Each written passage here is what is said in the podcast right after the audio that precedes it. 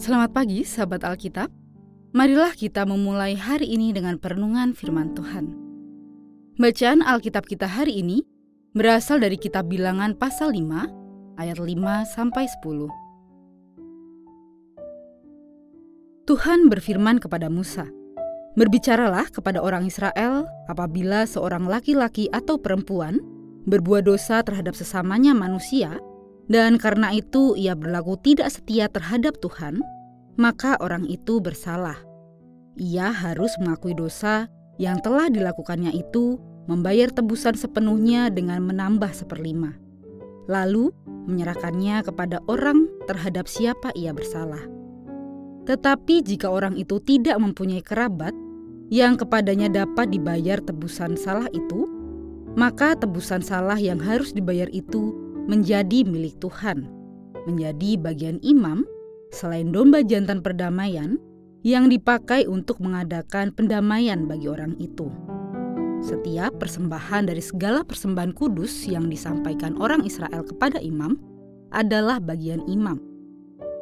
Setiap persembahan kudus memang milik orang itu sendiri, tetapi apa yang ia serahkan kepada imam menjadi bagian imam.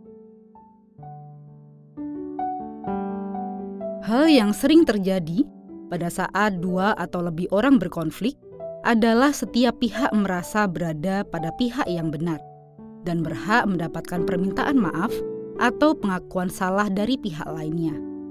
Paling tidak, bukankah itu pula alasan dari konflik tersebut terjadi? Misalnya saja, dua orang pengendara yang saling beradu kata, bahkan hampir atau malah sudah terjadi kontak fisik. Hal itu tentu terjadi karena keduanya merasa benar dan berhak mendapatkan pengakuan salah dari pengendara yang lain. Memang, pada beberapa kasus ada pula yang menyelesaikan satu kondisi peluang konflik dengan cara yang lebih kondusif dan lapang dada, namun kenyataannya adalah manusia cenderung selalu ingin merasa benar dan lebih kesulitan untuk mengakui kesalahan. Padahal, Hal ini adalah langkah yang sangat baik dan diperlukan untuk membangun peradaban yang sehat. Peraturan yang muncul pada ayat 5 sampai 10 ini pun membentuk orang Israel untuk membangun budaya hidup sosial yang kondusif dan sehat bagi individu di dalamnya. Tuhan memberikan sebuah panduan etis di atas landasan beriman dengan cara menyadari kesalahan dan mengakuinya. Tuhan tidak sekedar menuntut pengakuan kesalahan dari orang Israel sebagai manusia di hadapannya, melainkan juga membentuk mereka menjadi manusia-manusia yang saling tenggang rasa dan memiliki kesadaran diri yang tinggi atas setiap perilaku yang mereka lakukan. Itulah mengapa ayat 6 diawali dengan sebuah penggambaran situasi yang lugas, yakni Apabila seseorang laki-laki atau perempuan berbuat dosa terhadap sesamanya manusia, dan karena itu berlaku tidak setia terhadap Tuhan, maka orang itu bersalah.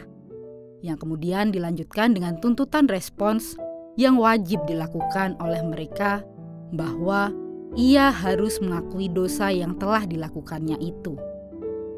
Memang, peraturan ini dilanjutkan dengan beberapa ritus penebusan salah dengan beberapa persyaratan namun esensi utamanya bukanlah hewan-hewan penebusan salah tersebut. Nilai paling utama adalah menyadari kesalahan dan mengakuinya. Pertama-tama di hadapan Tuhan sebagai tanda penyelesaiannya terhadap sesama manusia. Sahabat Alkitab memiliki kemampuan untuk menyadari kesalahan dan mengakuinya adalah unsur penting untuk membangun kualitas iman yang orisinil serta budaya hidup yang sehat di lingkup sosial. Kita pun perlu menantang diri sendiri.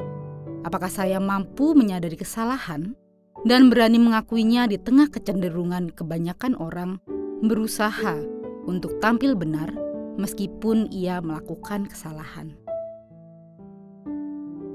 Mari kita berdoa. Ya Allah Bapa, kami ingin Engkau berkati dengan kebesaran hati, dengan kerendahan hati, sehingga kami memiliki kesadaran atas perilaku kami, dan kami pun bersedia untuk mengakui salah ketika kami memang berlaku salah.